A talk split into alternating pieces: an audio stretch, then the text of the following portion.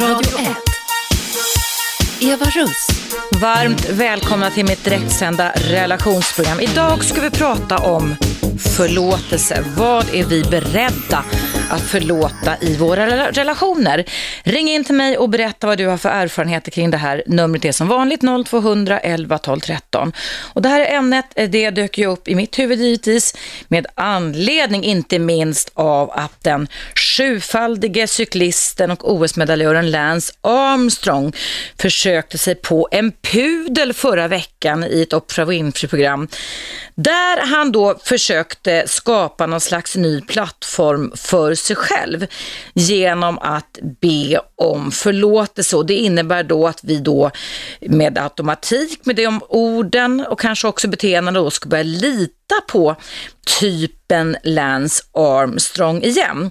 Av de klipp som jag har tagit del av så såg jag en människa som hade alla ingredienser som talar för att han aldrig kommer att bli förlåten. Nämligen det, det fanns ingen känsla med, det fanns ingen medkänsla, det var eh, ett väldigt själviskt fokuserat beteende. Och ja, det var liksom ingen genuin ursäkt. Det var talets gåva, men jag eh, vågar nog påstå att det kommer bli ytterst svårt om det ens någonsin går att den flerfaldiga OS-medaljören skulle, eller eh, Tour de France-medaljören skulle kunna, Lance Armstrong skulle kunna bli förlåten. Det handlar ju om väldigt mycket med, som har med känslor att göra, som allting i livet har att göra med. Och men det handlar också givetvis om förändrade, korrigerade beteenden. Eh, Bill Clinton som hade sin högst individuella definition av vad otrohet och sex var. Han blev väl på ett sätt förlåten, inte bara av hustrun Hillary, utan också av amerikanska folket. Nu senast när jag befann mig på andra sidan Atlanten under min semester så såg jag att han var med och delade ut pris eh, i en eh, sån här award, eh, Golden Globe tror jag det var. Så, eh, som han kom och delade ut. Sen har vi vår egen eh, fridrotterska från Ryssland, Ludmilla Engqvist. Blev hon förlåten? Hon var ju liksom en gudinna, eh, älskad av alla här i Sverige när man kom på henne med doping. Jag tror inte det. Jag tror att Ludmilla inte blev riktigt förlåten.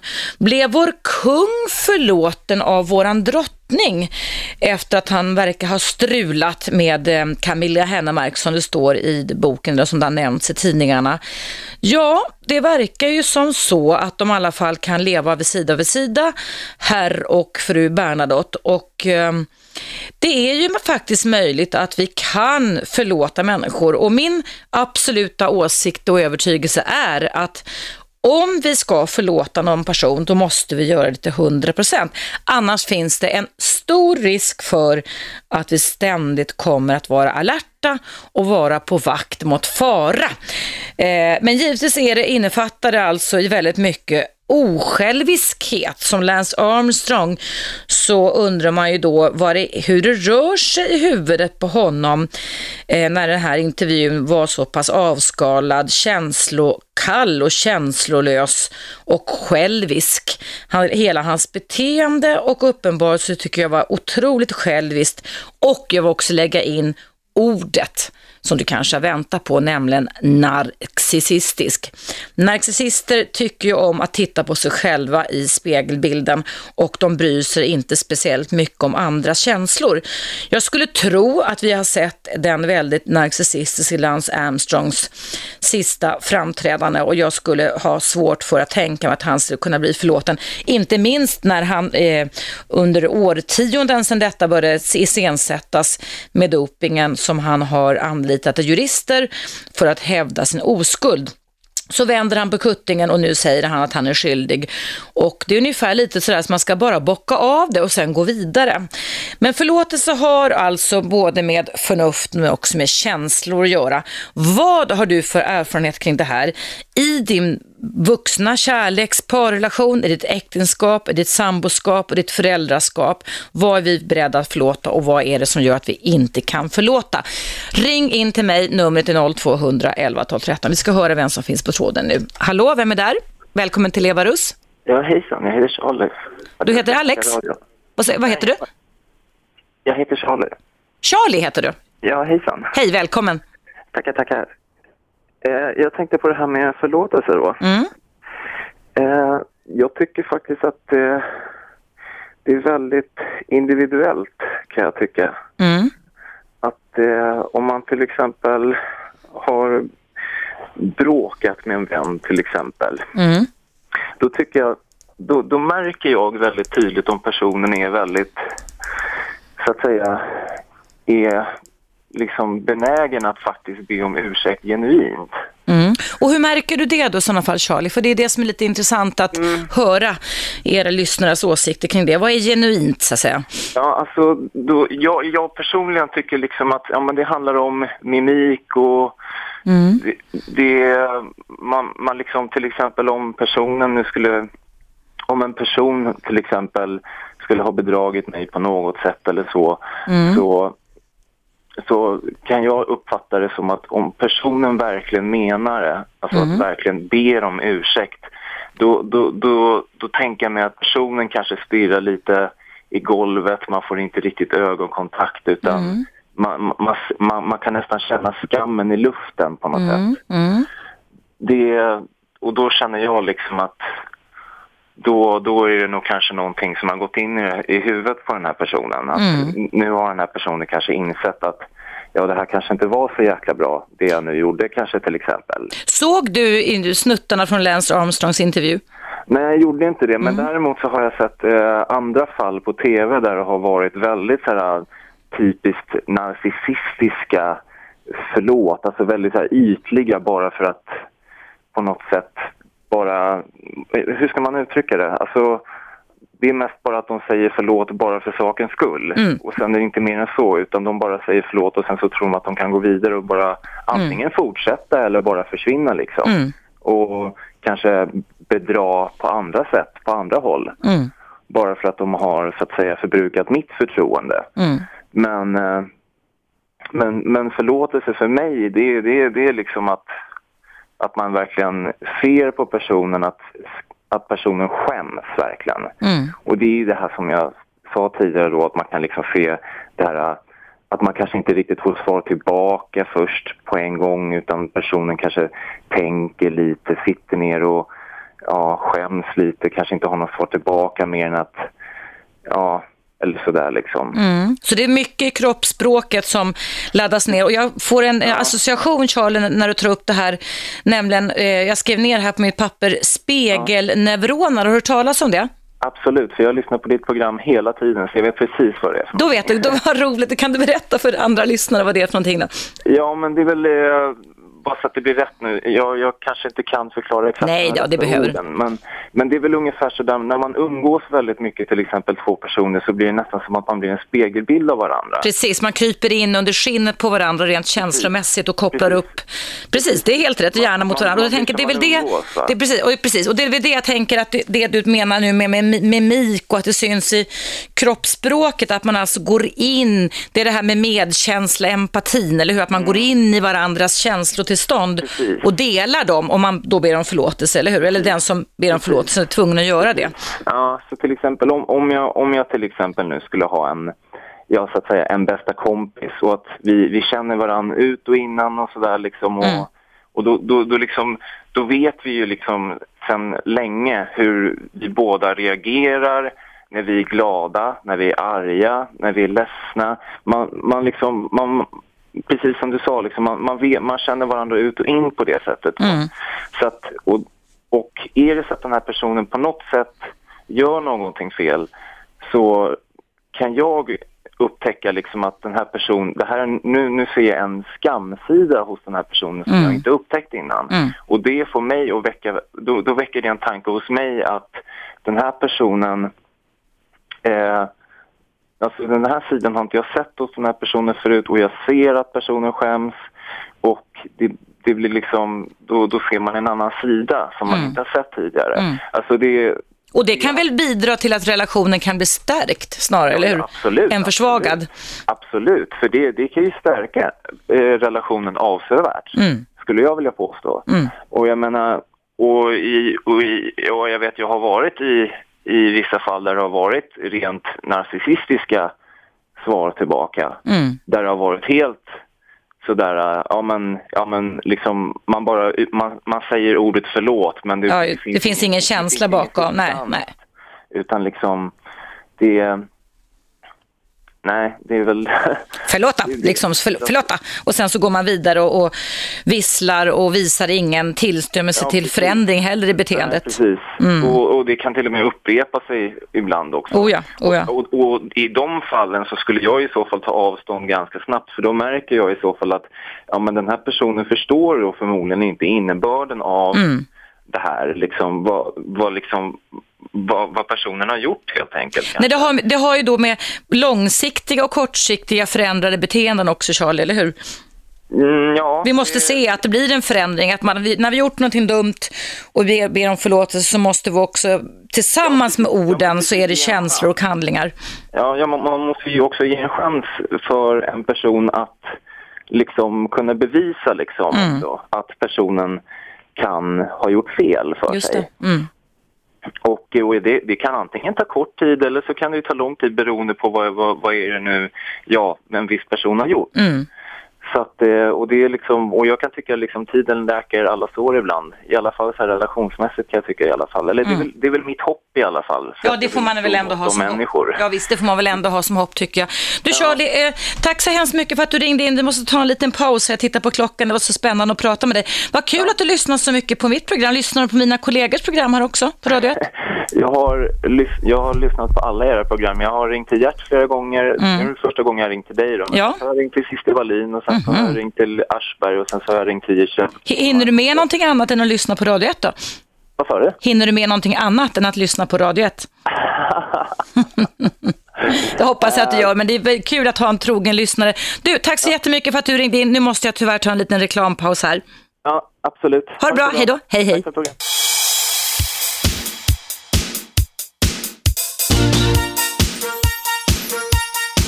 Radio 1. Eva Russ. Varmt välkomna tillbaka ska ni vara. Hörrni, idag pratar jag om förlåtelse. Nog måste ni väl finnas, man som kvinna, ung som gammal, eh, erfarenheter kring det här i våra parrelationer, i våra föräldrarelationer och kanske också i våra arbetsrelationer. Ring in till mig och berätta, precis som Charlie gjorde här innan pausen, en trogen Radio 1-lyssnare. Numret är 0200 11 12 13 och ämnet är valt med anledning av att en, en av, det finns säkert ganska många tyvärr där ute, en av idrottshistoriens största fuskare, Lance Armstrong, för några dagar sedan gjorde en pudel, eller försökte pudel i alla fall, och gick ut i Oprah Winfrey Show. Och ehm, ja, egentligen ganska känslokallt och narcissistiskt. Jag håller verkligen med dig Charlie där.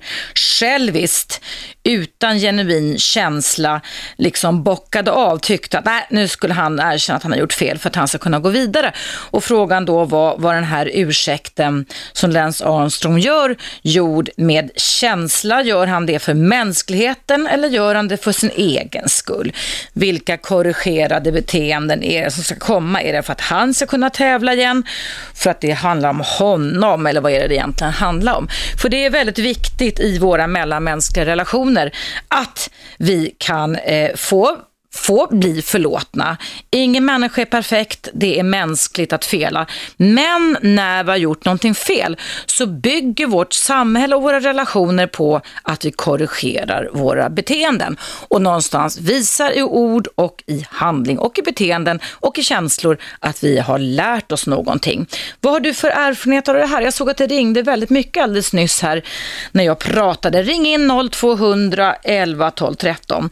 För det här med att vara vara altruistisk, alltså osjälvisk, är någonting som är oerhört viktigt för att vi människor ska kunna relatera till varandra. Nu ska vi se vem som finns på tråden. Hallå, vem finns där? Ja, hej Eva, det här är Susanne. Hej Susanne, det var ett tag sedan vi hördes av. Hur står det till med dig Susanne på det nya året? Ja, det är bara bra. Det är så vackert ute tycker jag och det börjar bli ljusare. Ja, det är, det är i alla fall skönt tycker jag. Ja, därför att då är jag tror att det är lätt för oss nordbor att bli mm. lite deppiga under mörkret och så, men nu börjar det bli ljusare och vackert. Det är underbart det, ja. ja du, vad, har du, vad har du för tankar kring förlåtelse eller erfarenheter kring det, Susanne? Jo, jag tror att eh, när det gäller förlåtelse så, så är det ju så att om det är en närstående person som man älskar mycket, Mm. då, då har man en, en nästan gudomlig förmåga att, ha- att ha en gränslös kärlek. Mm. Och den gränslösa kärleken gör ju att man, man kan nästan förlåta allt. Mm. Det, det, för att man vill så gärna att den här människan ska få det bättre nu. Det kan, om vi säger till exempel att det är en närstående som är missbrukare eller på andra sätt bär sig hemskt åt. Mm. Eh, Då, då har man ändå, man kanske har mer hopp och vill genom sin förlåtelse få den andra människan att känna att även om jag inte tror på mig själv och är så bra så finns det andra som stöttar mig i det här. Och genom sin, genom att man själv har den här förmågan att kunna förlåta så, så kanske man kan genom sin förlåtelse hjälpa någon annan och förlåta sig själv till och med. Mm. Trasslar, jag in mig lite kanske. Ja, det är ingen fara. Men du, får jag fråga dig en sak, Susanne.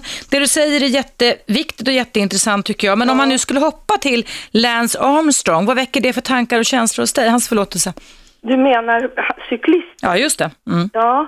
ehm, jag tror att för de som, som har tävlat emot honom så måste det vara oerhört svårt att förlåta eftersom ett idrottsliv innehåller ett visst antal år. Sen är man ju, sen är man ju utbränd. Mm. Och de kan aldrig göra om sina försök att få ett mästerskap och vinna en guldmedalj. Mm. De har, de, han har ju förstört det för dem. Så för hans medtävlare måste vara fruktansvärt. För de tävlade ju mot någon som var, hade superkrafter som var hemliga. Mm. Det, det, det måste vara, jag tror som, om, jag själv hade varit idrottsman så hade jag ju nog nästan börjat bli hatisk faktiskt. Mm. Och vad tror du om hans, hans eh, skäl till förlåtelse? Så har du uppfattat det och det, du har läst det, kanske till och med sett, Ja. att det är genuina känslor bakom det hela, eller vad tror du? Vad du har uppfattat? Ja, det, eh, jag tror att det är genuina känslor, att han, som de säger att när, när fan blir gammal så, börjar han, och- så tror han på Gud. Va? Alltså han börjar bli äldre och någonting inom honom, plötsligt har han fått ett samvete. Och då är, det, då är det av egoistiska skäl som han går ut eh, och talar om det här. För att, av e- egoistiska skäl, för att det känns bra för honom. Men frågan är om han inte skulle ha hållit tyst om det. Jag vet inte. Det- Det kanske hade varit bättre. För, jag, ty, jag tycker det är mest synd om medtävlarna, Mm. faktiskt. Men, men eh, när det gäller offentliga personer som har begått fruktansvärda brott så eh, en del utav dem görs ju så, till så stora synder i pressen och det kanske inte är så förskräckligt. Jag tänker då på politiker som har eh, hoppat över skaklarna. Mona Sahlins Toblerone-affär menar du till exempel? Eller? Ja, det var väl kanske lite klantigt, men det här är ju, man får väl tänka på att kanske eh, konkurrerande partier alltid söker efter saker att hoppa på. Men hon, har, hon blev ju förlåten också, hon blev ju partiledare efter det. Ja, men det var, det var väl ingen, det var väl värre med Clinton som inte tyckte att det var sex bara för att han hade blivit... Mm. Men han verkar ha blivit förlåten av amerikanska folket och av företagsledare och åker runt på sådana här Ja. ledarskapsshower och så vidare. Så att där verkar vi ju ha förlåtit honom på något sätt. Och frågan är ju då, vad är det som gör, då, gjorde att vi förlät honom då? då? Ja, det kanske var för att vi, vi, vi, vi tyckte inte att det här med det här lilla sextrampet var en så förskräckligt stor synd. Mm. Vad våra värderingar kring synden om man säger så. Ja. Jag tror att det har med värderingar att göra, synden. Och sen så är det också som du tog upp, ehm, om man uppfattar att det är genuint den människan, att människan ångrar sig genuint om man känner det. Då tror jag att man har lättare för att förlåta. Men om det är en förlåtelse som bara är verbal, Ja. tror man uppfattar det, då, då vill man inte. Nej. Men, men eh, som sagt, om, man har, om det är en, någon nära vän som har svikit en och man inte känner att mm, det kan vara så, så grovt så att man inte kan vara vänner längre, då, då kan man inte förlåta. Det, det, är, väl, det, är, väl, det är väl väldigt svårt. Mm. Jag, tänker på, jag tänker på, när jag lyssnar på dig Susanne, så tänker jag på ett sånt tema att handla om förlåtelse. Då. Jag tänker på fredsprocessen i Rwanda. Alltså det startade igång ett krig där 94, där nästan en miljon människor hackade ihjäl varandra eller blev ihjäl mördade av sina grannar och sina släktingar, sina lärare och sina läkare och så vidare. Men där man nästan 20 år efteråt har börjat att förlåta och man till och med har gett folk som mördade varandra, hutsier och tutsier, lägre straff om de kan visa förändrade beteenden och eh, be om förlåtelse. Ja, alltså det finns ju människor som näst... Ja, ja det är otroligt. Mm. Man kan förlåta sånt. Man tänker på, jag läste om en man som, som hade varit i fångläger i, i, i Auschwitz eller något av lägren. Mm. Och eh, vad heter han? Han åkte ju sen till USA och han förlät alltså sin, alla de här mördarna. Mm.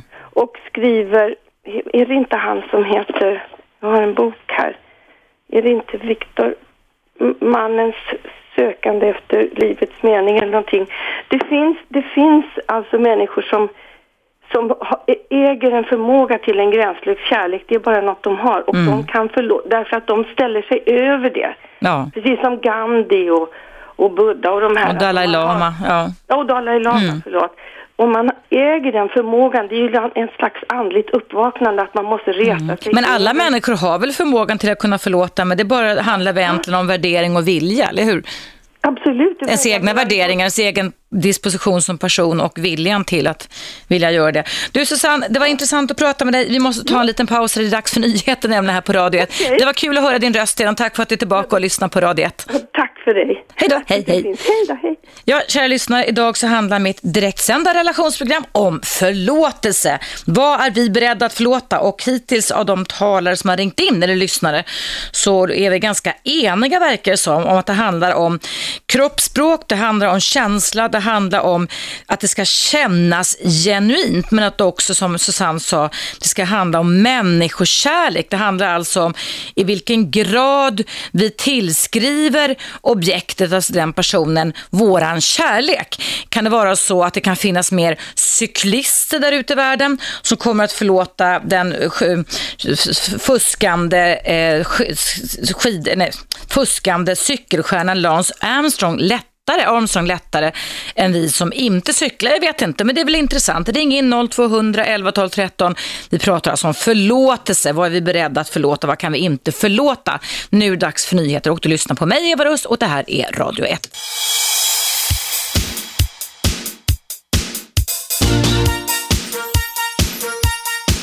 Radio 1.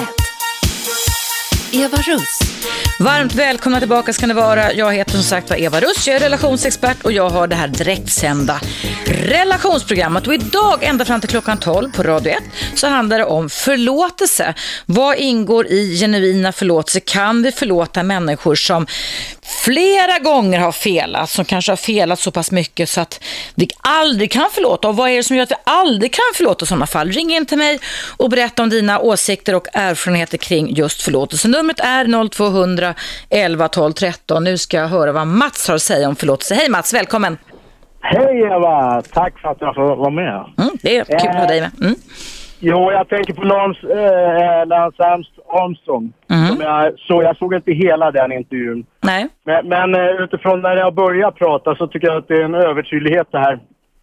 här. Det finns ju två delar i det. Han var ju inte ensam i det här utan det är ju några som har bistått honom med allting som han har behövt för att kunna göra allt. Det är väl ett helt team verkar det som. Det måste väl vara både ja, fysiologer, kem kemiker, läkare och sådana, eller hur? Ja, ja, det, det är ju massor. Och jag menar utifrån det jag såg i hans erkännande så, så är det ju utifrån han tar på sig sin del. Va? Mm. Och, och där är ju då nästa del när han då, eh, är det han som människa eller är det han som atlet som, som erkänner? Och det är ju, det är ju då idrottsmänniskan Armstrong som erkänner. Alltså det är hans prestation som han eh, ber Men tycker du att man kan göra skillnad på idrottsmänniskan och privatmänniskan Lance Armstrong, Mats? Ja, absolut. Hur då? Alltså för att det, ja, nej men alltså, han är ju bara idrottsmänniskan. Alltså, vad, vad, är, vad är han privat? Alltså människan privat, för det är ju tyvärr allt för vanligt bland våra atleter idag. Enormt mm. självförtroende och ett ego. Men vem är de som människor? Mm. Men vad menar du, ska du vad, vad, du, vad tänker du då? Du jobbar ju med kommunikationer Mats, eller hur? Vad, ja, vad menar du att det är, vad, gör det någon skillnad för Lance Armstrong då om han ber om ursäkt som idrottsmänniskan Lance Armstrong, inte som privatmänniskan Lance Armstrong? Ja, absolut. Så att jag, jag måste ju fråga om jag ska döma honom, att alltså, vi säger att eh, han inte ska bli förlåten utifrån någonting.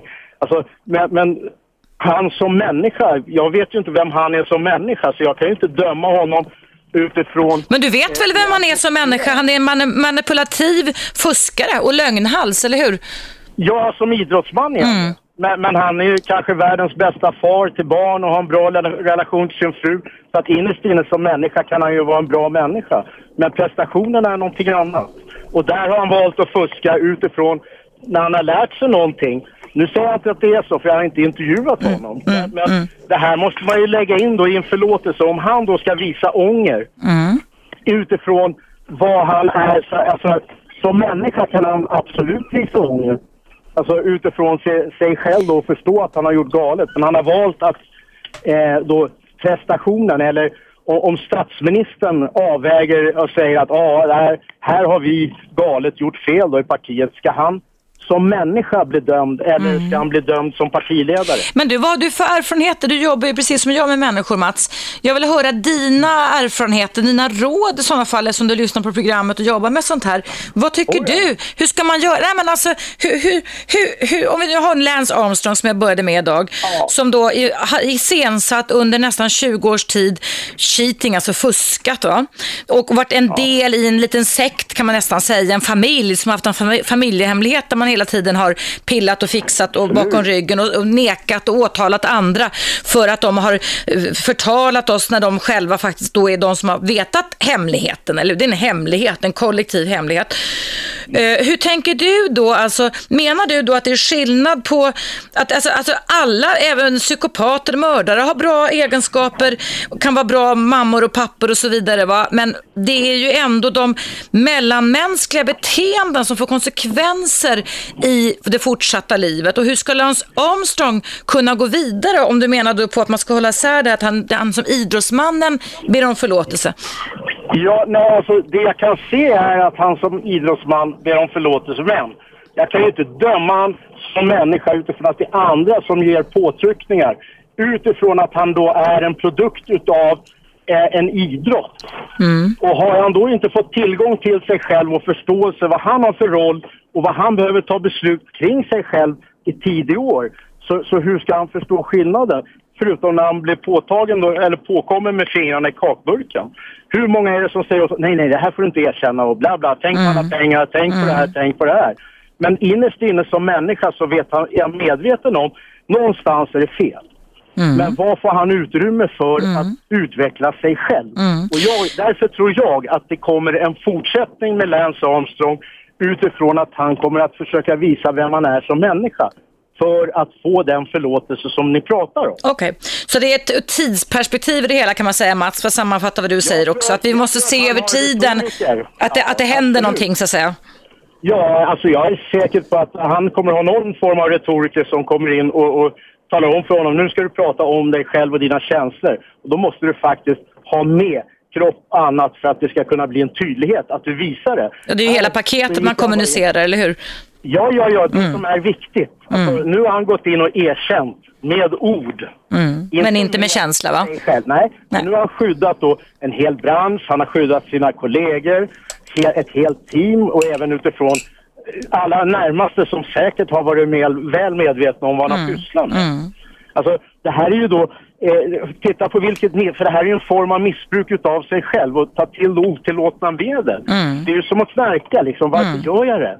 Men vi har ju det också alltså, i många andra sporter, nu ska jag inte utmärka något, men jag vet ju om och kan mycket väl föreställa mig till exempel att i andra idrottsgrenar, vi hade ju finska skidåkningslandslaget som blev tagna med byxorna ner eller fingrarna i syltburken, eller hur? Där ja, de hade läkare och annat, de, allihopa, de hade dessutom, var det inte så att de hade VM på hemmaplan också? Det var något, ja, ja, något så förfärligt va? Vi har bodybuilding, sporter och sånt va? Mm. Ja, ja, ja. Du, du kan hitta det. Titta mm. inom amerikansk fotboll, inom hockey. Mm. Alltså, du hittar det. Men och ser vi grunden till människan då? Vad, vad, är det som får oss att göra? Jo, vi försöker att bli någon i ett sammanhang. Mm. Då tar vi till det vi behöver och det vi tror. För att vi blir bara idag, vi får ju bara bekräftelse utifrån att göra bra saker. Mm. Eller det vi tror att vi är en bra yrkesmänniska och det blir vår identitet. Men vem är vi som människa? Och hur får vi bekräftelse för att vi är bra människor? Mm. Men vad tycker du avslutningsvis? Tycker du då att, det, att Lance Armstrong är en bra människa?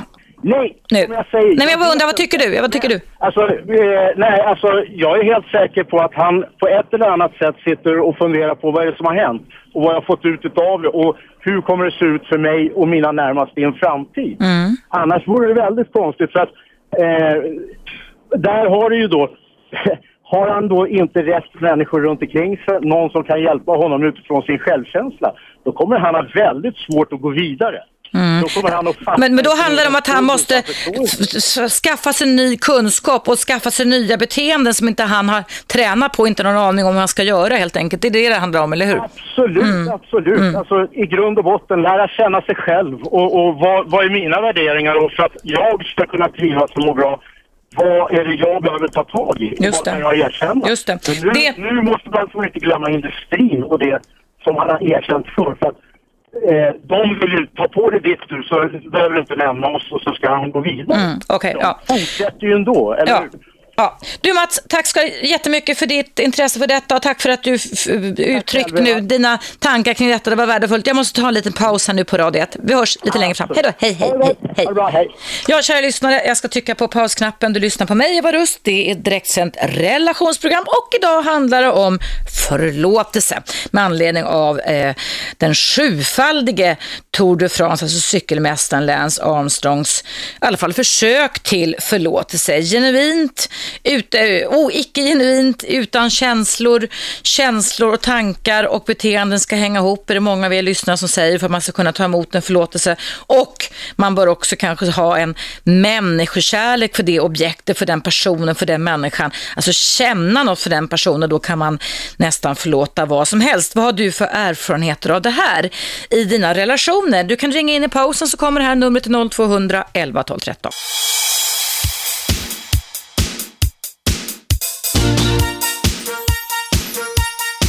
Radio 1. Eva Russ. Välkomna tillbaka ska ni vara. Idag i mitt direktsända program så pratar jag om förlåtelse. Vad ingår i en genuin förlåtelse eller ej med, tank- med anledning av att det väldigt uppmärksammade fallet här kring Lance Armstrongs förlåt mig i Oprah Winfrey show förra veckan inte kändes, i alla fall av de bitar man har sett och även hört, sådär känslosamt, genuint, äkta. Vad tycker du om det? Vad har du för erfarenheter av förlåtelse? Kan man förlåta allt om vi älskar varandra eller kan man inte? Jag ska alldeles strax prata med dig Lennart som har väntat en stund, men innan det ska jag läsa upp ett mejl som kom in här, för du vet ju det som lyssnar att du kan mejla till mig och jag ska repetera mejladressen nu. Den är eva, radio 1, snabela gmail.com. Och det här mejlet är från en anonym förvirrad kvinna. Det står så här. Hej Eva, lyssna nu på ditt program angående förlåtelse. Går det att förlåta någon även om personen i fråga inte uttrycker ett sakligt förlåt och ett ändrat beteende? Frågetecken. Och så skriver kvinnan så här. Jag hamnade på en psykiatrisk avdelning till följd av ett mycket kränkande ex. Han kränkte mig något oerhört efter vårt förhållande tog slut, så till den milda grad att jag kände att jag inte kunde resa mig upp igen. Jag gjorde då ett allvarligt självmordsförsök. Jag skrev ett argt meddelande, till honom innan detta impulsiva och omogna självmordsförsök. Fick inget svar och jag kontaktade honom aldrig honom efter min operation och vistelse på sjukhuset. Var inlagd i en månad och fick inte ett enda sms eller något tecken från honom. Alltså exet som den här kvinnan skriver om. Sen fortsätter hon så här. När jag kom ut kontaktade jag honom för att ordna praktiska saker då vi hade levt tillsammans i två år. I mötet kunde jag inte hålla mig utan skällde ut honom för allt han har gjort mot mig under hela vårt förhållande. Varit utsatt för just kränkande handlingar under hela vårt förhållande men alltid gett honom nya chanser. Chanser att kunna visa förändrat beteende. Fick ett citat förlåt, citat kommer alltid att älska dig och så vidare. Men under tiden började han skapa en ny relation. Nu, ett halvår efter vårt förhållande tog slut, har han ett nytt förhållande. Jag tycker inte det verkar som ett ångerfullt beteende. Hur ska jag kunna förlåta honom? Han har redan gått vidare och jag finns inte. Tack på förhand från en förvirrad kvinna. Nej, jag håller med dig om detta, eh, du som är förvirrad kvinna i mejlet till mig här, att eh, eh den här personen du har levt med verkar ju ha drag åt, som man skulle kunna säga, narcissism, sociopat, psykopathållet, där ett förlåt inte spelar någon roll. Det finns alltså ingen medkänsla, det är bara ett ord som man bockar av, det finns ingen känsla och det finns inga förändrade beteenden i det hela. Och då kan det faktiskt vara så, tycker jag, att man behöver inte förlåta honom. Det var väl jättebra att du förstod att det var ett omoget sätt att försöka ta livet av dig och att du faktiskt också sen skällde ut honom och att du inte höll tillbaka. För det gör vi människor alldeles för ofta. Vi håller oss, vi liksom kan inte pysa ut vår ilska och vi ska inte slå andra människor eller göra andra människor illa, men vi kan åtminstone säga och, vad vi tycker och tänker och känner. Lätta på trycket kallas det för. Det gör vi nordbor alldeles för lite anser jag. Eh, det gäller att hitta en balans för oss själva rent känslomässigt. Men som sagt var, eh, att förlåta en person som gång på gång har haft det här specifika beteendet som du beskriver, där han har kränkt dig och ljugit och betett sig illa mot dig. Nej, det behöver man inte. Så jag skulle vilja säga då att det du skriver här, citat förvirrad kvinna, så behöver du inte förlåta honom.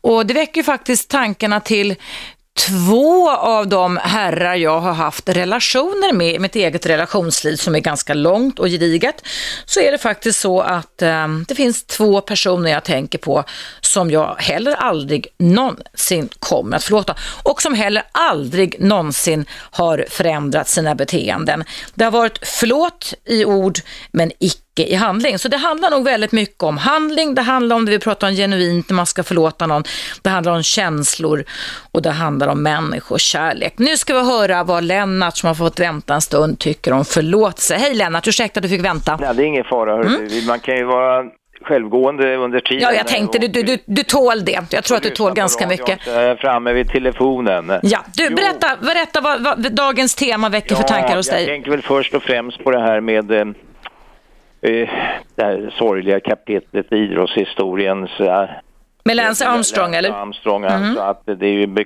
han, nu var det ju för några år sedan, han väckte en oerhörd beundran. Mm. Han gick igenom sin cancerbehandling och besegrade cancern. Mm. Och det gav ju mycket eko i världen och hans sju segrar. Men jag tänker på beträffande Tour de France. Det var någon känd, eller det var någon läkare, biolog och så vidare som gjorde uttalanden om att alla är mer eller mindre fuskare för man kan inte genomföra det utan att ta tillåtna preparat. Alltså. Just det, cykelsporten menar ja, du? Mm. Sen har man ju sett hur cyklisterna ligger då och får vätske. Dropp ja. Dropptillsatser mm. och så vidare. Och Lance, han har nog kommit till den insikten om att han tillhör ju ett, ett, eh, ett varumärke, va? Mm. ett stall, som man säger, cykelstall och så vidare. Jag tror att det där har han ju varit, andra har ju varit behjälpliga, alla känner ju till det där som är involverade mm. inom den där sporten. Men, men då borde han väl inte vara den enda som gick fram, då skulle det vara hela familjen alltså, som har bärt den här burit familjehemligheten gå fram också, ja. eller hur? Men det är, det är ju flera andra som har bekräftat att de har varit dopade. Det, mm. kan du ju titta, det var, jag tror det var Dagens Nyheter som hade en, list, en, en hel sida publicerade där man strukit ett rött streck över alla mm. ansikten mm. som de som hade blivit avslöjade. Va? Mm, och, mm. och, det var som någon författare skrev för många år sedan, jag tror inte på idrotten. Mm. Men du Lennart, vad tror du på, alltså vad tycker du? Så är du beredd att förlåta Lance Armstrong? Du håller ju på med idrott själv och sportar och så vidare, eller hur? Ja. Vad tycker du? Ty, ty, Nej, är, du är du beredd att förlåta honom? För det första är jag inte amerikan. Va? Nej men det är skitsamma, du är människa. Men, vad, vad, tycker du? Kan du förlåta jag, Lance Armstrong eller inte? Han har gjort bort sig så jag dundrar om det. Det är klart, man kan ju, han kan ju inte gå hela, man kan ju inte avrätta honom. Eller hur? Nej, vi, inte, inte för det i alla fall, men, i något det, annat land kanske man hade gjort det. Det gjort alltså, det tycker mm. man är väldigt sorgligt. Jag tycker det är en tragedi det här alltså, för idrotten, sport överhuvudtaget. Mm. Och han som människa med måste ju vara en oerhörd tragedi. Mm. Det, kommer du ihåg Ludmilla Enqvist? Ja, jag tänkte just på henne. Hon, det var ju också en tragedi. Hon åkte väl ut och kom inte mer tillbaka. Ja, det var ju det att hon skulle mm. börja med Bob, där hon blev avstängd. Och hon hade ju varit avstängd tidigare för doping, men då... då Skyllde de på tränaren, ja. För exmaken, va. Jag tycker sånt där är så sorgligt, det är så tråkigt, det, förstör, det drar ner hela liksom... För, för henne, har, har, har, du kunnat förlåta Ludmilla Engqvist? Som var ikon och, och liksom hjältinna Sverige under många år. Ja, hon var ju en gull, de gullade med henne pressen. Mm. Hon, var ju liksom, hon var ju invandrare och sådär. Mm. Men vad tycker du? Ah, jag tycker det var att, alla, jag, jag tycker de där storstjärnorna, jag, jag har ledsnat på sådana här spektakel, alltså stora mm. Men vad tycker du om förlåtelse, Lennart? För det är det vi pratar om idag. Ja, hon har, vad ska man göra? Det är klart man måste acceptera det, att, de, att om de har kommit till insikt och, och eh, då är det ju väldigt bra. Mm att de har kommit till insikt om det och så vidare. Så ditt svar är att man kan förlåta när man väl kommer till insikt, men insikt innefattar också förändrade beteenden på kort och på lång sikt, eller hur? Ja, visst. Alltså, och grejen är ju den att eftertankens kranka blekhet. Mm. Lance Armstrong, han tror, jag tror att han hade det motivet också. Han ska ju börja någon slags form av ny idrottskarriär. Triathlon, ja. Ja, triathlon. Va? Han vill bli förlåten att de ska stryka streck över det här. Va? Sen om... Men då är det ju väldigt själviska skäl. Ja, visst. Människan är ju ett själviskt mm. egodjur. Va? Det är ju så, va? tyvärr. Så att skulle han inte säga att han hade suttit i rullstol och inte kunde inleda någon ny idrottskarriär eller ja. kanske då rullstolsmaraton, eh, han inte skulle kunna det, tror du att han skulle erkänt då? då? Ja, det är svårt att säga. Du, mm, det är, det är bara en, en hypotetisk fråga, men jag bara tänker att... Jag tycker det här är ett svart kapitel överhuvudtaget. Va? Det är mm. så beklagligt. Hela världen tycker jag är liksom... Det, det, allting, det är så mycket jävla fusk och, och mycket oegentligheter och du vet, här i Sverige är vi så självgoda att man säger ofta så här, jag tittar på andra länder var de är korrumperade. Det är, det är mycket korruption i Sverige med och bluff och humbug alltså. Mm. Överallt. Mm. Men du Lennart, avslutningsvis vill jag bara fråga ja. dig som är som frekvent inringare och ja. radiolyssnare och det tackar vi för här på Radio 1. Ja, glada för det. det ja, det är vi glada för. Men du Lennart, vad är det du aldrig kan förlåta om vi pratar om relation, i en relation? Vad är det som du aldrig skulle kunna förlåta? Det är svårt att säga, hör du. Du hörde mejlet jag läste upp från den här förvirrade kvinnan som sa att hon inte kunde förlåta. Och jag sa också det, att jag kan inte förlåta människor som har gång på gång lurat mig och som ja, aldrig visar förändrade beteenden. Man vill inte se personen om er är fråga, va? Vad sa du? Man vill ju inte se personen överhuvudtaget Nej. i så fall ha med personen att göra, va? Mm, men vad, du, vad skulle dra... du inte kunna förlåta? Man kan tycka att de kan dra dit pepparn väg. Mm, men svara på min fråga, vad skulle du inte kunna förlåta?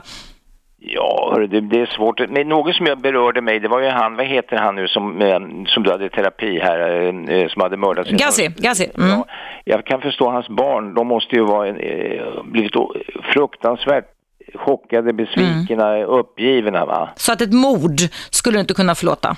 Nej, det är nog så, det okay. kan jag inte tänka mig. Mm. Bra Lennart, vi ska ta en liten paus här. Tack, tack för att du ringde in ja, Lennart. Jag måste ta en liten paus här på Radio 1. Du lyssnar på mig, Eva Russ här. Jag eh, fortsätter faktiskt en hel timme till och det är direktsänd radio. Frekvensen 101,9. Numret in till mig om du vill prata om dina erfarenheter och åsikter kring att kunna förlåta med anledning av storfuskaren Lance Armstrongs försök i alla fall till, uh, av att, att be om förlåtelse, eller världen om förlåtelse, idrotten om förlåtelse, sina barn om förlåtelse, fru om förlåtelse och så vidare. Vad väcker det för tankar och känslor hos dig? Och i våra relationer, i våra mellanmänskliga relationer, vad är det vi inte kan förlåta och vad är det vi kan förlåta? Ring in även i pausen som kommer här för det kommer nyheter här på Radio 1 och numret kan du säkert, men jag säger en sista gång innan jag trycker på nyhetsknappen. Det är förstås 0200 11 12 13.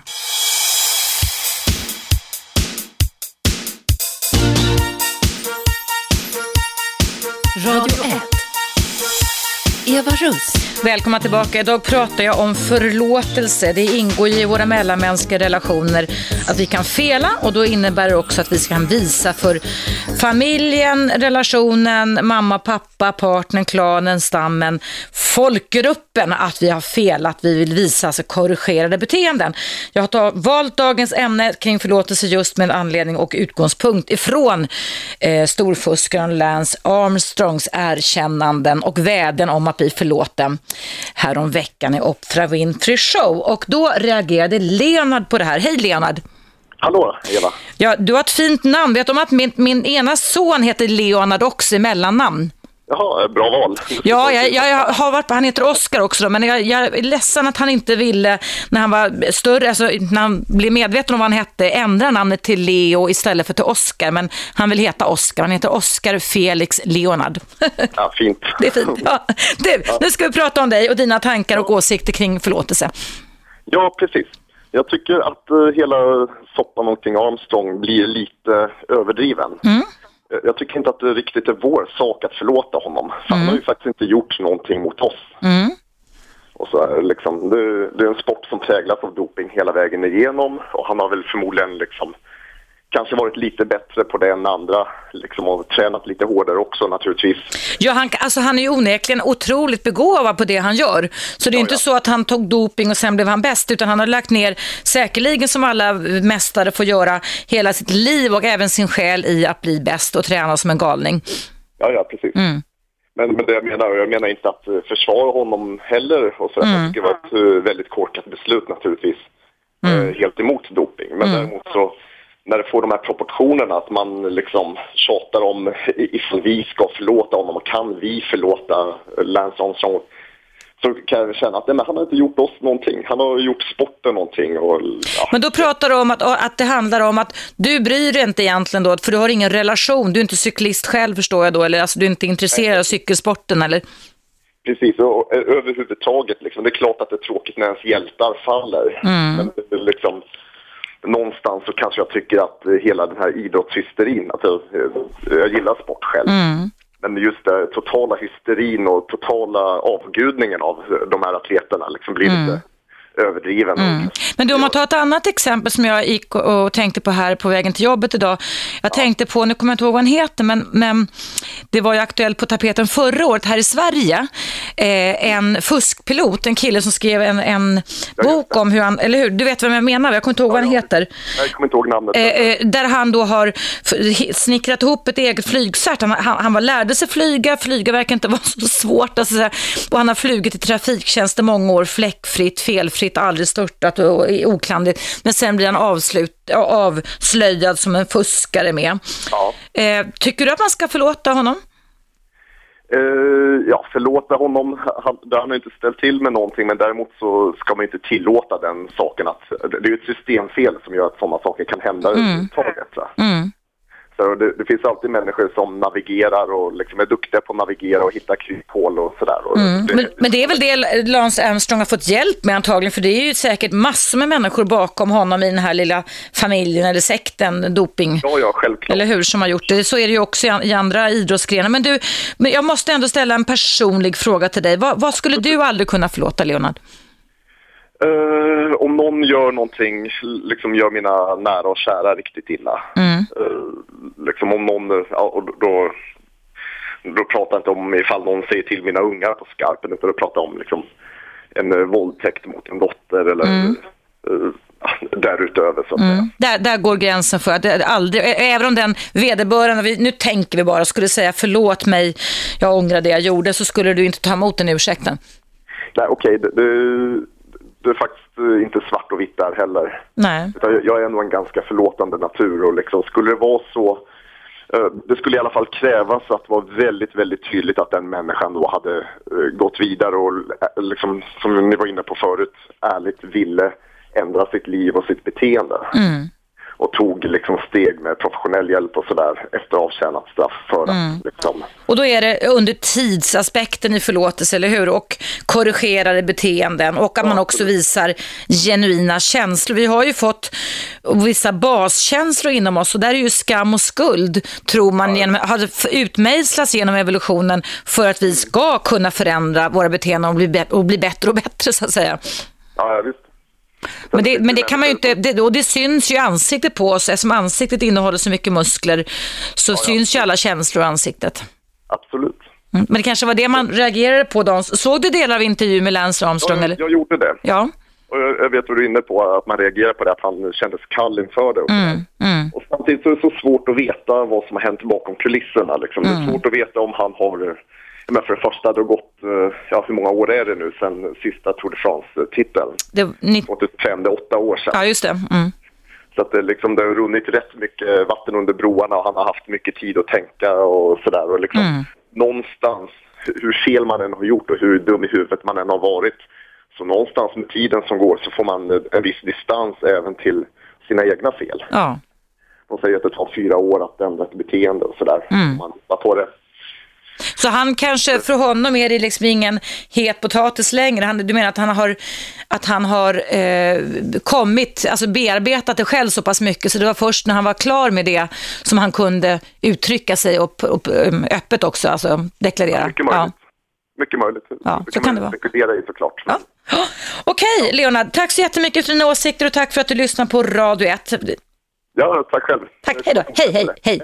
Ja, kära lyssnare, om du är nytillkommen lyssnare så heter jag Eva Russ, jag är expert på relationer och en viktig del i vårt relationsliv när vi står i förbindelse till varandra, det är ju då förmågan och egenskapen till att kunna förlåta. Jag har sagt det förr, jag kan säga det nu också, att jag var på för några år sedan på en helt fantastisk judisk så kallad konfirmationshögtid för pojkar, bat mitzva som det heter, där ett, eh, eld, ett riktigt, riktigt, riktigt gammalt vackert par, de var 90 plus båda två, hade överlevt den eh, nazistiska förintelsen, ställde sig upp, eller lät sonen ställa upp och hålla tal och säga att vi ska förlåta dem som oss skyldiga äro.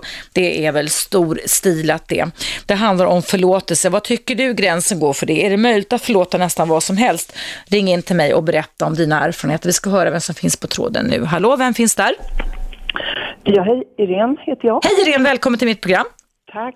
Vad väcker dagens eh, ämne för tankar och känslor inom dig? Jo, jag tänker på det här med eh, en retorisk fråga, eller jag har svaret själv för min egen del. Men mm. kan man eh, överlåta att, åt någon annan att förlåta? Alltså, eh, säg att jag blir... Eh, säg att mitt barn blir eh, mm, misshandlat eller våldtaget. Mm. Kan då eh, en, en annan varelse förlåta gärningsmannen så att han eh, blir fri från sin eventuella skuldkänsla och, och så. Mm. Du, det, det, vet inte jag. Det var en väldigt, väldigt intressant betraktelse och synvinkel. Hur, hur, hur, har, du, har du gått och tänkt på det länge eller dök det upp bara just nu, som säger den här tanken? Nej, det dök inte alls bara upp just nu. Eh, vad jag tänker på är naturligtvis att eh, religion. Mm. Alltså, inom kristendomen så kan man, speciellt tror jag in, inom katolicismen, så kan man alltså få syndernas förlåtelse av Just det. en ja. präst. Just genom bikten, ja. Mm. Ja, eh, inom katolicismen är det ju genom bikten, men jag tror inte man behöver vara katolik utan man tar nattvard och man eh, ber en bön och sen så eh, säger prästen som då är så att säga ombud för den högre makten, Gud, att nu är du förlåten. Men vi kan mm. hålla oss till bikten då, mm. katolicismen, det är enklare. Så det skulle ju in, det, det här tycker jag är jätteunderligt. Mm. Det skulle ju alltså innebära att eh, en våldtäktsman våldtar mitt barn och sen så får han kalla fötter och så går han till sin pastor eller sin, sin präst och mm. sen så ligger han på knä och rullar radband och ber om förlåtelse. Mm. Och då säger prästen, du är förlåten mitt barn för att du ångrar Och så reser han sig upp och så går han och våldtar mitt barn mm. en gång till. Jag, jag, tycker bara, jag tycker att eh, är det någon som ska förlåta så är det ju den som är inblandad och inte någon annan. Just det. Just det, det, var en väldigt intressant bild du målade upp, Irene. Verkligen intressant. Um, och, och då ingår det ju inte heller, då är det ju egentligen bara ett ord. Man säger, förlåt, ja, du är förlåten, eller hur? Det ingår ju inte känsla, medkänsla och korrigerade beteenden. Nej, inom katolicismen, om vi håller oss envist till mm. det, så, så vitt jag förstår så får man kanske, eller fick för i alla fall, en, en uppgift. Alltså gå hem och läs eh, 100 Ave Maria, man mm. på radbandet, mm. och sen är du förlåten. Okay. Mm. Ja, det, jag är väldigt religionskritisk som du kanske mm. anar. Jag tycker det här är helt snurrigt. Mm. Men eh, ja, det var det jag ville mm. Du, bara, får jag ändå ställa en personlig fråga till dig också? Vad, vad, har, du, har du förlåtit någon som du trodde att det var omöjligt att förlåta någon gång? Eh, nej, jag är nog mer en hök och ingen duva. Jag vet inte om det är bra eller dåligt, men jag, jag är Du förlåter inte? Du inte, har inte så lätt att förlåta menar du? Eller? Nej, jag har inte så lätt Nej. att förlåta. Jag, jag kan nog glömma om mm. det inte är för stort naturligtvis. Mm. Det handlar om mm. fruktansvärda saker, mord och så. Det har jag tack och lov inte behövt utsättas för. Men, eh, jag kan glömma, jag, jag går inte och grämer mig, men eh, skulle vissa personer dyka upp idag och säga, hörru du förlåt, så skulle jag säga gick och brinn. Okej. då vet de det nu då, att det är ingen idé. Jag tror inte de lyssnar. Nej, man vet ju aldrig redan. Du, tack ska du ha. Tack för detta, tack för att du lyssnade. Vi måste ta en liten paus på Radio 1. Hej så länge, hej, hej, hej.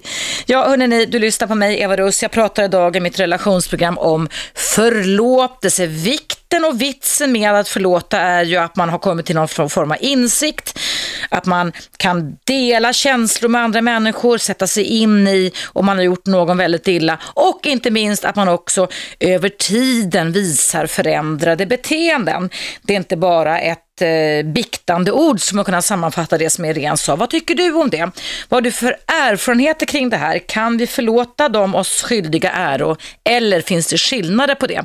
Numret är 0200 11 12 13. Nu trycker jag på den lilla pausknappen men jag är alldeles strax tillbaka igen på Radio 1.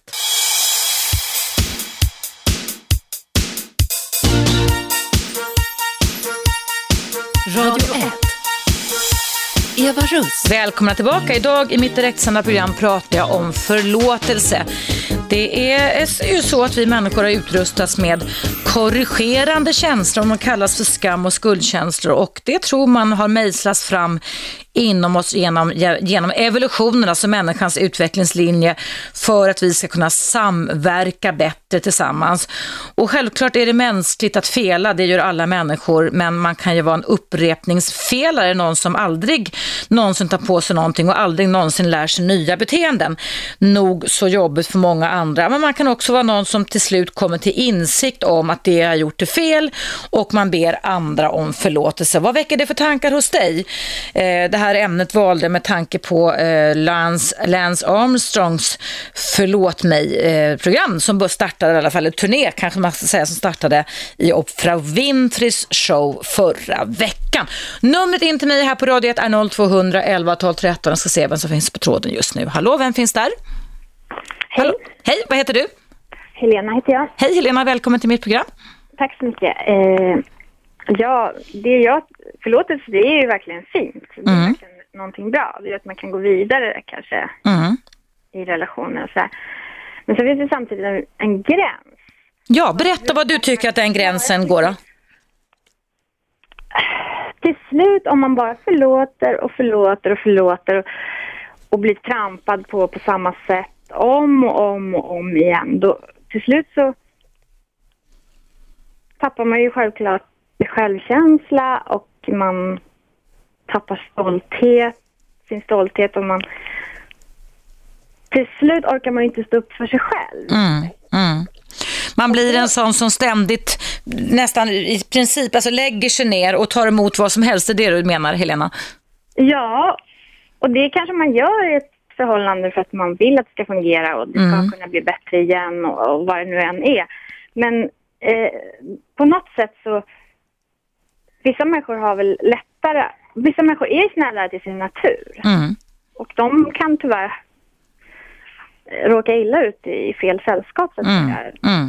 Mm. Och det, ja, det, det är ofta så i relationer. Det behöver ju inte vara en man som är förtryckande eller vad ska jag Nej, säga. det kan vara vice versa, kan Ja, gälla båda precis. könen, ja, visst. Och sen så, så finns det ju en, en sak som kanske låter eh, barnsligt men det är ändå någon sanning i det. Man, man ska vara snäll mot de snälla och hård mot de hårda liksom. Det, Mm. Mm. det, annars kan man faktiskt bli uppäten så att säga. Mm. När man pratar om människor som blir medberoende, alltså som i, i, i parrelationer, kärleksrelationer eller parrelationer, det kanske inte alltid är så mycket kärlek utan mer beroendeframkallande det här att man hänger kvar. Där kan man ju till exempel bli superexperter på att förlåta för mycket och för ofta. Ja, ofta i, Mm. i, grunden till att man gör det är att man har fått förlåta från födseln. Liksom. Man, Ja, man har ett sånt livstema som man kan kalla det för och det gör ju bara saken etter värre. Men du, vad har du för erfarenheter i ditt liv så här långt av att förlåta då, Helena? Ja, alltså, vad ska jag säga? Jag har tagit hand om mina föräldrar. Hur då? De var två jättestora egoister. Mm. Barnsliga, omogna och borde kanske aldrig ha fått några barn. Var de unga när de fick det också eller? Nej. Okej. Så att eh, de skilde sig ju väldigt... Jag var ju bara fem år. Mm. Och vem växte du upp hos? Mamma. Mm. Hon, precis när hon hade skilt sig, det var ju hon som lämnade min pappa. Ja. Precis när hon hade skilt sig så började hon lägga sig i min säng och gråta Mm. kvällarna. Och då skulle jag ta hand om henne. Så det blev omvända föräldraroller. Det är jättetragiskt och det är inte så ovanligt heller. Du fick ta hand om din mamma. Så Du, du fick trösta mamma. Ja. Det var nog det från början. Mm. För vissa, vissa, det finns ju något, jag vet inte om det, är klart du har läst, för jag tror det är, alla psykologer måste läsa eh, det, eh, vad heter det, det självutplånande barnet. Mm. Mm. Den boken, Alice Miller, va? ja Mm. exakt ja. Den borde varje psykiater läsa också, men det Mm. ingår inte i deras utbildning. Alltså, där finns så många svar. Mm. Ty, tycker, du, tycker du att du fick tränas, Helena, på att bli det självutplånande barnet? Jag hade ingen val. Nej. Och du hade inga syskon heller och du hade ingen... Jo, jo, en Ja. syster som var endast två när de skildes. Oj då, oj då. Du, vad har det fått för konsekvenser? Hur gammal är du idag, Helena? Eh, 45. Ja. Vad har det fått för konsekvenser för ditt liv, tycker du? Jag har blivit, eh, nu kommer ytterligare en bok. Det är det här eh, Kvinnor som älskar för mycket. Ja, Robin Norwood. Ja, Jag kan, jag kan mina böcker, vet du. Robin Norwood, det är en skitbra bok, rent ut sagt. Finns Ja, i pocket ena- att köpa. Ja. Liksom först var faktiskt en kompis som sa till mig, läs Det självutplånande barnet. Mhm. Och jag liksom, när jag läste, ja, nej jag behöver inte berätta mer, men det var Mm. otrolig upplevelse. Men du har blivit för konsekvenser. Du, du sa Robin Norwood, kvinnor som älskar för mycket, att du har stått ut med för mycket. Förlåtit för mycket i dina parrelationer, är det det du vill säga? Jag söker ju samma sak som min pappa. Alltså, för, att, alltså, för mig har otryggheten varit trygghet. Så jag Just det. Mm. springer ifrån trygga personer. Ja, och vill, vill ha otrygghet, för det är det du har ja, ja, ja. A- lärt dig automatiskt i ditt känsloliv att så ska vara. Men du har ju mycket insikter eh, kring det här idag, tänker jag. Har du kunnat förändra de här beteendena, Helena, med åren? Ja, för att jag har ju inte fått barn förrän jag blev 42. Grattis, vad roligt. Och ja, precis. Jag hör nog barn där i bakgrunden. Är det ditt barn eller? Ja, han är snorig. Så. Hur gammal är ditt barn, Helena? tre och ett halvt. Tre och ett halvt, vad skoj. Ja. Och, Och, eh, om man inte har barn, om man då vill ha barn, så Mm. är det nog något slags biologiskt, Mm. antar jag, hos mig som gjort att jag har tagit hand om trasiga. ja, ja. Men le- lever du i en parrelation idag? Nej, jag håller på att skilja mig. Eller vi skiljer, skiljer. Och där har det också varit, ja, katastrof. Ja. Men du, kan du förlåta dina föräldrar för att det blev så här omvända barn och föräldraroller under din uppväxt? Att du fick trösta mamma och inte tvärtom? Nej, jag tycker de har gått lättaste vägen. Mm. Så de, lever de fortfarande, eller din mamma? Min mamma är dement. Ja, okej. Och ni har inte haft någon uppgörelse, hon har inte kommit till någon insikt eller sagt förlåt mig, Helena, någonting sånt, eller nej? Nej, hon bara själv. Ha, hade det gjort någon skillnad, tror du, innan din mor blev dement, om, då, om, om hon hade gjort det då? Jag tror inte hon var kapabel till att förstå. Nej, men, men, men säg, om hon hade sagt, du Helena, jag förstår verkligen hur tokigt hela din uppväxt blev. Kan du förlåta mig för att jag var en sån dålig mamma som inte kunde hålla i min föräldraroll? Jag har låtit henne under hela, hela, hela min uppväxt redan, om och om igen. Ja, Så det var liksom stopp. så det var stopp. Så att hon har bett om förlåtelse, men det har bara varit orden och inte handlingen alltså. Det är inga förändrade beteenden, nej. Nej, för egentligen var ju allt mitt fel. Okej, så det var lite det här snabba som jag sa tidigare, för, oh, förlåt mig, och sen så går man vidare och så glömmer man bort vad man har bett om förlåtelse för nästan. Ja, alltså hon, på något sätt så var hon väldigt manipulativ gentemot omgivningen. Mm. Hon verkade så, så liksom svag och eh, älskansvärd, men hon var ju inte det mot mig. Mm. Så det, det är jättekomplicerat och, och, och, och så är det ganska svårt också att man föds in i en familj där man egentligen inte har så mycket gemensamt för man kanske har jag har ju mera släktskap med min mormors familj Ja. och hur de var och Mm. de jag har träffat. Så, så det, det, det har för mig har det varit en ren familj om du. Ja, okej. Ja, ja, ja. Men du, eh, jag tänker att, att ehm, jag hör att ditt barn ropar där bak. Det kanske är bäst att du tar hand om honom, för jag måste ändå ta, trycka på knappen här på en lite Jo, nyheter och sånt. Ja. Så, tyvärr, ibland är det, jag känner så här, äta eller äta, man måste sätta stopp. Liksom. Ja, ja. Och vissa män dras till, och tvärtom förstås också, men vissa män dras till snälla kvinnor. Mm. Och sen så... Mm. Men du, du, du, det är en sak, Helena, att vara medveten om sina mönster, sen är det en sak att kunna leva utifrån dem med. Och min erfarenhet kring det här som är expert på sådana frågor, det är ju det att ska man då kunna göra ett omval av en ny partner som inte Mm. kränker en eller är otrygg utan som är trygg, då är det väldigt många som kommer tycka att det är skittråkigt till att börja med. Jag vet, jag vet. Jag vet. Eller hur? Att, att man känner så här, nej men gud det här, för jag är ju van vid otrygghet, jag kan ta det så här tryggt och tråkigt. Men det får man lov att överleva, för sen där bakom liksom, så väntar någonting annat istället. Ja, Så kom ihåg och lova mig det att du väljer bättre partner nästa gång utifrån den kunskap du redan har. yes. Bra. Du, ta hand om ditt lilla pojke nu, pussa honom från mig. Tack för att du lyssnade på Radio 1 och tack för att du ringde in. Tack, hej då. Hej då, hej hej. Ja, hörrni, det handlar om förlåtelse idag. Nu är det dags för nyheter. Du lyssnar på Radio 1.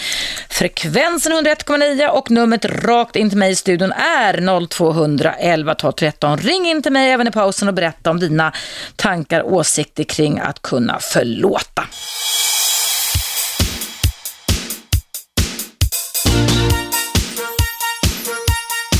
Radio 1. Eva Russ. Välkomna tillbaka ska ni vara. Idag pratar jag om förlåtelse. Vad, vilka ska vi förlåta? Är det möjligt att förlåta? Är det några som vi aldrig kan förlåta? Vad väcker det för tankar hos er? Jag ska prata här med eh, Leila. Tror jag det heter. Hallå, eh, Leila, du heter Leila? Hej! Hej. det är Laila. Ja, välkommen till mitt program. Tack. Mm. Eh, förlåtelse, jo det är en liten speciell historia här men ehm, ehm eh, jag ville säga att eh, i alla fall mitt eh, sätt att hantera det Mm som har hänt är att eh, förlåta. Eh, för det första inte för eh, den andra skull utan för min egen skull. Mm. Eh, för att kunna gå vidare. För ja, jag tycker att den personen har tagit tillräckligt med energi av mig eh, och kommit till, till en punkt där jag eller tror att jag har kommit till en punkt där jag tycker synd om honom, den här personen, för eh, ja, för det han gör, gjorde, eller det han gör fortfarande, gör att han liksom lever utanför. Uh, ingen som, han blir inte lätt omtyckt och att han får mycket Det problem. straffar sig själv menar du, den här personens beteenden. Kan, du kan inte ge en liten hint om vad det är för beteenden det handlar om Leila? Jo, det handlar om en relation till en bror till mig. Okej. Eh, Mm. eh, som har uh, tryckt ner mig när jag var liten. Eh, som har talat om för mig att jag inte är värd någonting. Om, alltså gång på gång. Som eh, försökte... eh, han, jag har lite minne sedan jag var fyra år gammal faktiskt. Det kommer jag ihåg även när jag var liten. Mm. Att han talade om för mig att han vill att jag eh, hatar honom. Oj då. Mm. Jag jobbar på att jag ska hata honom. Oj, men du, han var... Han. Ja, Eh, han var 16, 17 och jag var fyra kanske. ja. Eh, jo, jag var fyra, han var 16, 17 år gammal. Ja. Eh, och den bilden liksom, jag aldrig, jag har inte brytt mig. Eh, men sen eh, så småningom liksom, jag var ju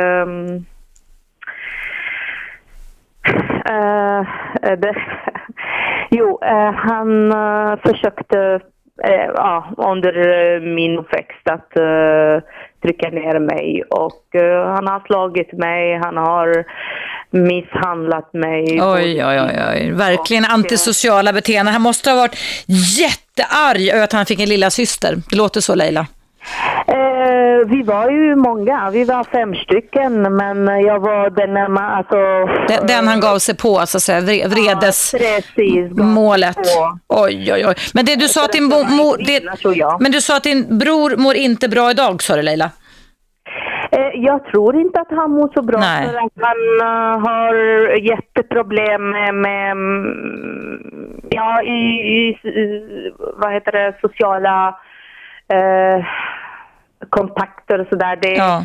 jag hör så mycket, nu har vi inte kontakt eh, överhuvudtaget. Men, men, men du, du säger att du, du kan förlåta honom idag, det, det din bror, 14 år äldre bror gjorde mot dig, eller 12 år äldre mot dig, för din egen skull.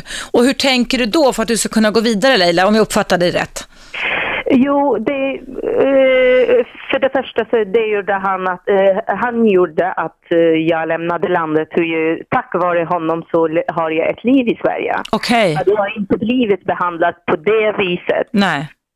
Då skulle jag inte ta något beslut i mitt liv, ett stort mm. beslut att lämna landet. Mm.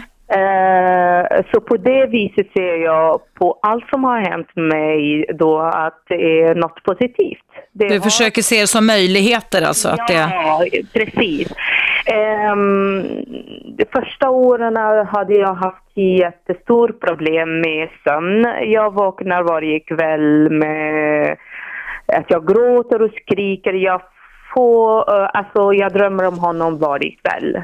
Mm. Ja, då har han verkligen varit hemsk mot dig, din storebror Leila. Ja, precis. Eh, och så... Sadistiskt låter det som. Om, om du, det ja. låter ju nästan som posttraumatiskt stresssymptom i alla fall. Om du vaknar på nätterna och gråter och är skräckslagen.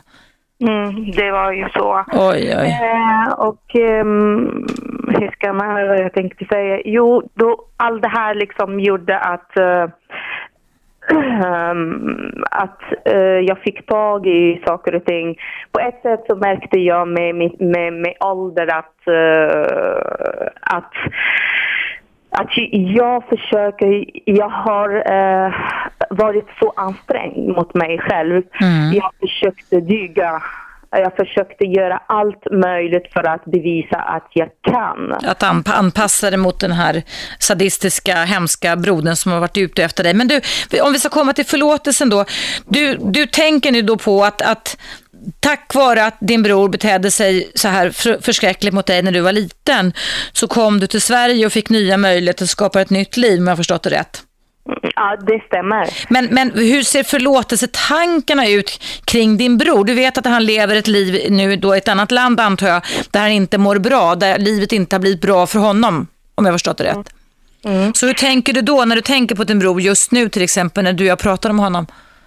Ja, alltså jag menar med att det, det för min skull som, så försökte jag bearbeta allt som har hänt för att förlåta honom. Mm. För jag tycker, eh, ursäkta, jag, jag vet inte om man får säga så, men jag tycker inte ens hat eh, förtjänar han. För hat är en, mm. en energi och den är en stark energi. Mm. mm. Så han, han förtjänar inte ens det, så han är en neutral Alltså, jag försökte se på honom neutralt i mitt liv. Mm, mm. Han ska inte få möjligheten längre. Nej, men ni relaterar väl inte till varandra på något sätt. Men du vet ju ändå om att han har ett miserabelt liv, liv i alla fall. Faller på eget grepp låter det nästan lite så. Men, men har du verkligen förlåtit din bror då Leila? Det undrar jag. Ja, det är därför jag har inget idé att säga har jag förlåtit honom eller inte. Jag vet inte. Nej, jag nej. tänker inte på honom nej. som jag gjorde förut. Det, det är liksom, jag tänker inte på honom, men jag märker att min relation till män äh, är äh, inte riktigt äh, som det ska. Mm. Uh, den påverkade mig, det påverkade min syn till män. Jag, blir, blir, du misstänksam eller avvaktande? Ja, eller vad blir avvaktande, mm. misstänksam, uh, reagerar så fort någon försöker liksom mm. bestämma eller göra någonting så sätter jag personen på plats. Okej, okay, jag förstår. Du, du, du är på vakt mot fara som det kallas för eftersom du har fått ja. växa upp med det och förmodligen har lite posttraumatisk stress. Det, det, var det ingen av dina föräldrar som kunde försvara dig som liten flicka när din bror gick på dig på det här sättet? Alltså, jag är inte uppvuxen hos mina föräldrar mm. uppvuxen hos mormor och så. så mm. um, och um, ja, så Um, nej, tyvärr, för min farsa dog och så um, han har inte ens sett det, det som har hänt då. Mm. Uh, och min mamma är liksom hjälplös. Hon bara, du får inte göra så mot lilla syster och, men hon Ja, men han fick göra som han vill i alla fall. Oj, oj, oj, oj. Det låter ju som att, att din bror verkligen har mått riktigt, riktigt dåligt. Det är ingen ursäkt, och, men det värsta är ju då när ett barn inte blir försvarat av de vuxna runt omkring. Utan att du får ta emot de här slagen, den här spen, den här misshandeln du varit utsatt för. Du, eh, det går, finns ju terapi man kan gå i också om man känner att man fortfarande har sviterna kvar Leila kring det här om, och går ut i dina relationer om du vill ha en kärlekspartner. Har du någon kärlekspartner nu eller har du inte? Har du det inte? Nej, det har jag inte. För att eh, det borde du väl kanske ändå kunna skaffa dig. Det kan man ju hjälpa av psykoterapi faktiskt, eh, komma igenom sådana här traumatiska upplevelser som du har upplevt. Jag hoppas det, för det, det är mycket. Men i alla fall, så jag, jag tycker i alla fall det... Eh, jag försöker se på det här positivt på mm. något sätt. Mm. Jag läser böcker och så fort jag hör liksom något namn om en bok så läser jag. Jag känner liksom, jag tror på är du, du är din egen uh, psykolog. Okej, okay. ja, ja. Ibland så går det alldeles utmärkt för många och ibland går det inte. Så det är ja, väldigt precis. individuella variationer. Men om du skulle märka avslutningsvis Leila att du gång på gång liksom fastnar i samma på vakt beteende, avvisande, att du ger upp för alltså just det här som har med rädsla och vara på vakt mot fara att göra. Och det åren går, då tycker jag du ska söka en psykoterapeut, alltså någon som mig, så, om, om du märker att du, om det inte skulle bli bättre för din egen del, förstår du? Ja, jag har, nu är jag inte liksom, uh, jag är i den ålder där jag märker att nej, det går faktiskt, det går inte bra för mig. Nej. Uh, bara erkänna det. Och uh, det, det, det, är så. Så fort eh, jag är liksom destruktiv, eh, mm. så fort någon kommer i närheten av mig så ja. försöker jag hitta något. Ja. Och då, då är du ju destruktiv mot dig själv och då går, sitter de här gamla ränderna ifrån det du har upplevt som barn i dig. Och då är det, tycker jag ändå som ett råd till dig, är att sök professionell hjälp för det går att bryta den här typen av relationsproblem. Jag lovar dig. Ja, ja. Det och det handlar inte om åratal, det kan handla om 10-15 gånger hos en välutbildad psykoterapeut eller psykolog. Ja, det, jag ska söka hjälp. Relationer är centrala för oss och vi, vi, behöver relatera till någon. Och du som har varit med om det här hemska du har beskrivit behöver verkligen det. Ännu mer ska jag vilja säga, även om alla människor behöver det. Så jag tycker att du ska överväga detta innan du ger upp liksom och blir och jag inser och tror att du inte kan lösa det på något sätt. Du min vän, tack så jättemycket för samtalet. Du kan väl hålla mig underrättad. Brukar du lyssna på Radio 1 och på mitt program? Ja, jag älskar din program och jag är jätteintresserad av eh, alla ämnen du tar upp. Jag tycker att det, eh, just nu i alla fall så, mm. Eh, jag tycker att det är jättebra. Det hjälper så mycket. Vad roligt Sen, att höra. Jag vill bara, har du någon tips om en bok som jag som kanske... Vet du vad, jag måste fundera lite på detta. Um, om du lyssnar på mig dagligen så jag ska fundera lite på detta. Jag lovar dig, men nu måste jag ta en liten paus här på Radio 1 nämligen. Tack, tack snälla Leila. Ja, hej så länge. Hej, hej. Hörrni, det är dags för paus. Det handlar om förlåtelse och det finns faktiskt tid att ringa kvar fortfarande ända fram till klockan ungefär 11.57. Nu är det dock reklam här på Radio 1.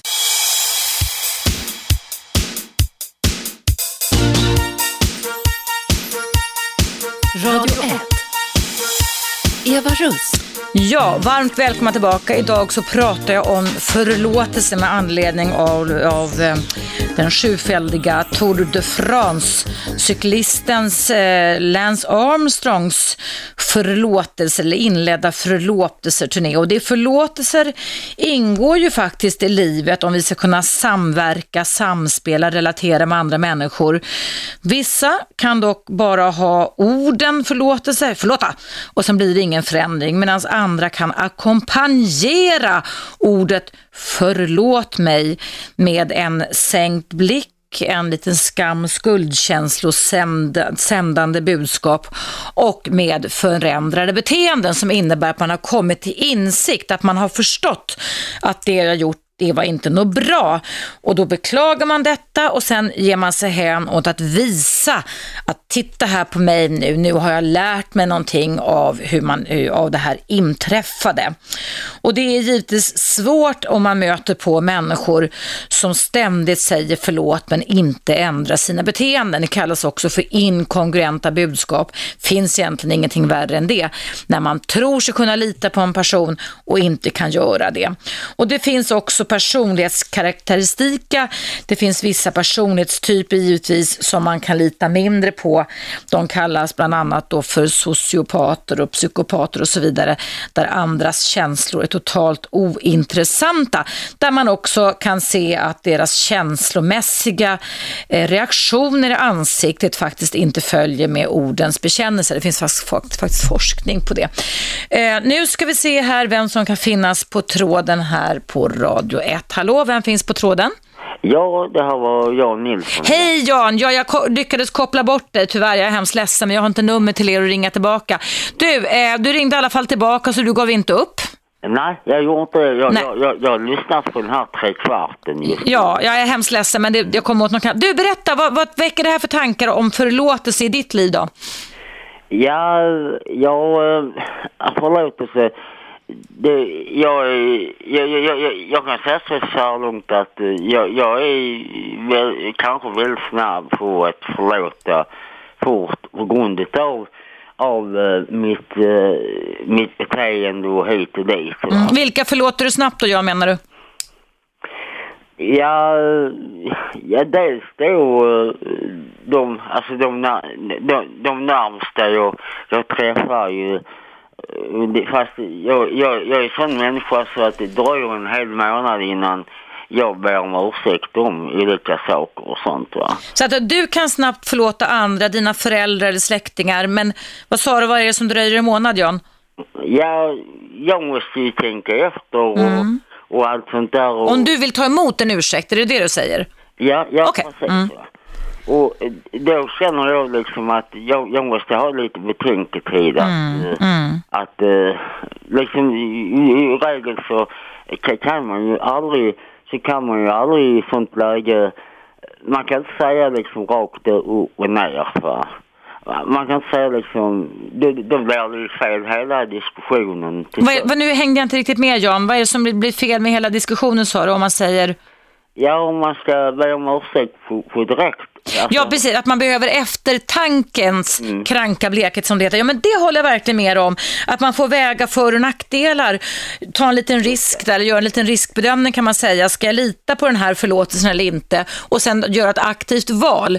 Och, och, och där är, brukar du gå mer positivt inför detta eller mer negativt och inte förlåta då? Ja, och sen, ja, sen då i regel så har man ju och så bör sig illa åt mot, eh, kanske till sina medmänniskor. Så mm. vet man inte hur, hur, hur de känner sig bak efter. Nej, men du, brukar du när du väl har, alltså acceptera förlåtelser mer ofta?